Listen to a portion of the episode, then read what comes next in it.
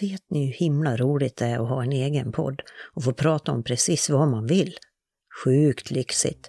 Och idag vill jag prata om alla skador jag fått och olyckor och knasiga saker jag varit med om under min barndom. Välkommen till livet som tant 2.0. Jag heter Bitte Kempe Björkman och jag är glad att jag lever. När jag tänker på saker jag råkade ut för under min uppväxt känner jag ett visst släktskap med Börje Salming. Hela han är lappad och lagad. Jag ligger dock inte riktigt på samma elitnivå som han. Och för 15 år sedan så där så blev jag tantförsiktig. Då skaffade jag mina första broddar. Så det var ganska länge sedan jag råkade ut för rent fysiska skador. Det första riktigt dumma jag råkade ut för hände när jag var pytteliten.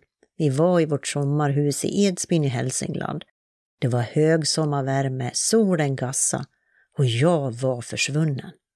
Alla letade febrilt, men jag var som uppslukad av jorden. Efter någon timme fick någon för sig att man skulle titta på balkongen. Och där låg jag, avsvimmad i värmen. Så värmeslag. Och så har vi gungskadan. Jag var kanske tre år. Jag lyckades komma i vägen för en svingande gunga. Jag minns inte själva händelsen, men mitt högra nyckelben har en buckla. Så brutet nyckelben.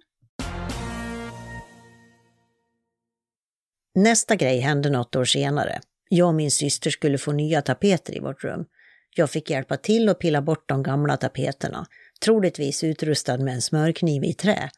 Jag upptäckte att det inte var så effektivt, så i ett obevakat ögonblick lyckades jag sno åt med en vassare kniv. Jag stoppade in spetsen i en tapetskarv, jag bände och jag vred och poff! Så släppte tapeten taget om kniven och spetsen åkte in i mitt ena ögonlock och missade precis ögat. Så knivskada. Sen lärde jag mig cykla men jag hade ingen koll på det här med balans. Så när jag skulle ta mig ner från en hög trottoarkant lutade jag mig framåt istället för att parera bakåt. Jag for i backen med en smäll och tog emot mig med pannan, i vilken det fastnade en sten och den satt som berget. Det är dagens sanning. Jag har ett R som bevis. Så cykelolycka, Nästa grej. Jag är 6-7 år gammal och älskar hästar. Jag hängde ofta i ett litet stall. Hade man tur kunde man då och då få rida i tio minuter för en krona eller så. Förutom hästar bodde det även en folkilsk get där. Gullspira. Gullspira släpptes ibland ut i en hage och när hon skulle tillbaka in fick ingen vara i stallet. Hon var nämligen som en osäkrad handgranat i det läget. En dag glömde de att kolla stallet innan getinsläppet och missade därför att jag stod inne hos kaninerna som bodde i sadelkammaren. Jag gosade med dem när jag plötsligt kände mig iakttagen. När jag tittade upp stod Guldspira och glodde på mig. Om du någonsin har sett döden i vitögat så fattar du. Hon tog sats och stångade mig upp mot väggen flera gånger. Jag for som en vante i den där sadelkammaren. Men till slut lyckades jag kränga mig upp på kaninburen. Det första jag minns efter det här är att jag gråtande cyklar hemåt, där min arm snart blir dubbelt så stor som normalt och börjar bli mörklila. Iväg till akuten där man konstaterar att armen är bruten. Och jag minns faktiskt doften i gipsrummet.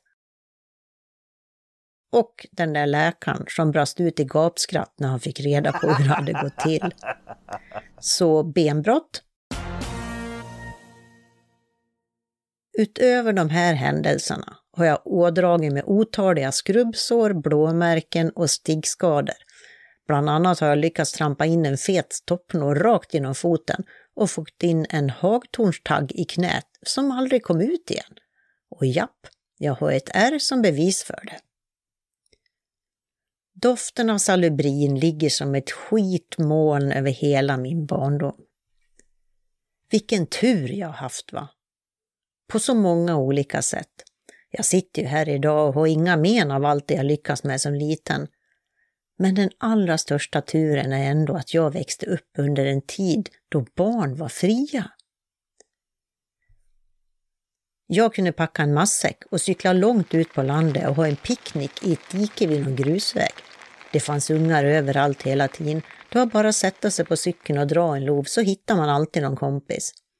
Jag sov i min lekstuga eller ett tält på tomten hela somrarna. På kvällarna var man ute och pallade. För er yngre, palla det är när man smyger sig in på andras tomter och tar plommon, päron, äpplen och jordgubbar.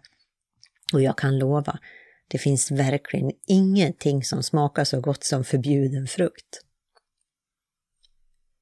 På vintrarna byggde jag snögrottor på tomten och stekte små bitar av falukorv med hjälp av en gammal teburk i plåt och några värmeljus. Eller så drog jag iväg med en pulka och kom hem när det var mörkt och fick varm choklad med vispgrädde. Semestrarna tillbringades nästan utan undantag hemma. Och åkte vi någonstans så bilade vi. Norge, Finland, Danmark. Vi sov i bilen och i tält och någon enstaka gång på vandrarhem eller i en campingstuga. Ett av mina tydligaste minnen av de här resorna är ett besök i en kyrka i Finland. Där låg det en död präst i en glaskista, torr och svart. Han hade sagt, om det jag predikar är sant så kommer jag inte att upplösas efter min död. De har säkert gömt undan den där stackars prästen nu eftersom det nog inte är så politiskt korrekt att låta ungar kolla in döingar.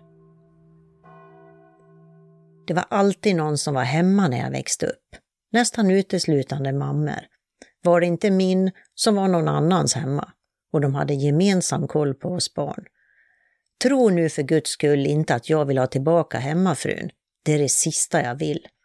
Däremot önskar jag verkligen att vi börjar ifrågasätta vad vi utsätter, eller rättare sagt inte utsätter våra barn för. Jag tycker nämligen synd om dagens ungar. Vi säger åt dem att titta upp från skärmarna och gå ut och hitta på något, men de varken får eller kan ju göra något. När vi byggde dagens samhälle glömde vi bort barna och nu försöker vi skydda dem mot de faror det förde med sig. Men samtidigt har vi också byggt bort alla de där mindre farliga farorna som jag tror är nyttiga eller rent av livsviktiga att utsättas för som liten. Och det både för den fysiska och psykiska hälsan. En bra dag kom man liksom hem skitig, trött och med minst ett skrubbsår och var överlycklig. Just nu känner jag mig alldeles ung för att bli mormor. Om kanske sådär tio år är jag mogen för det. Och blir det då några barnbarn ska jag se till att efter ett besök hos mig ska de få åka hem skitiga, trötta, med plåster och doftandes av salubrin. Och de ska vara överlyckliga.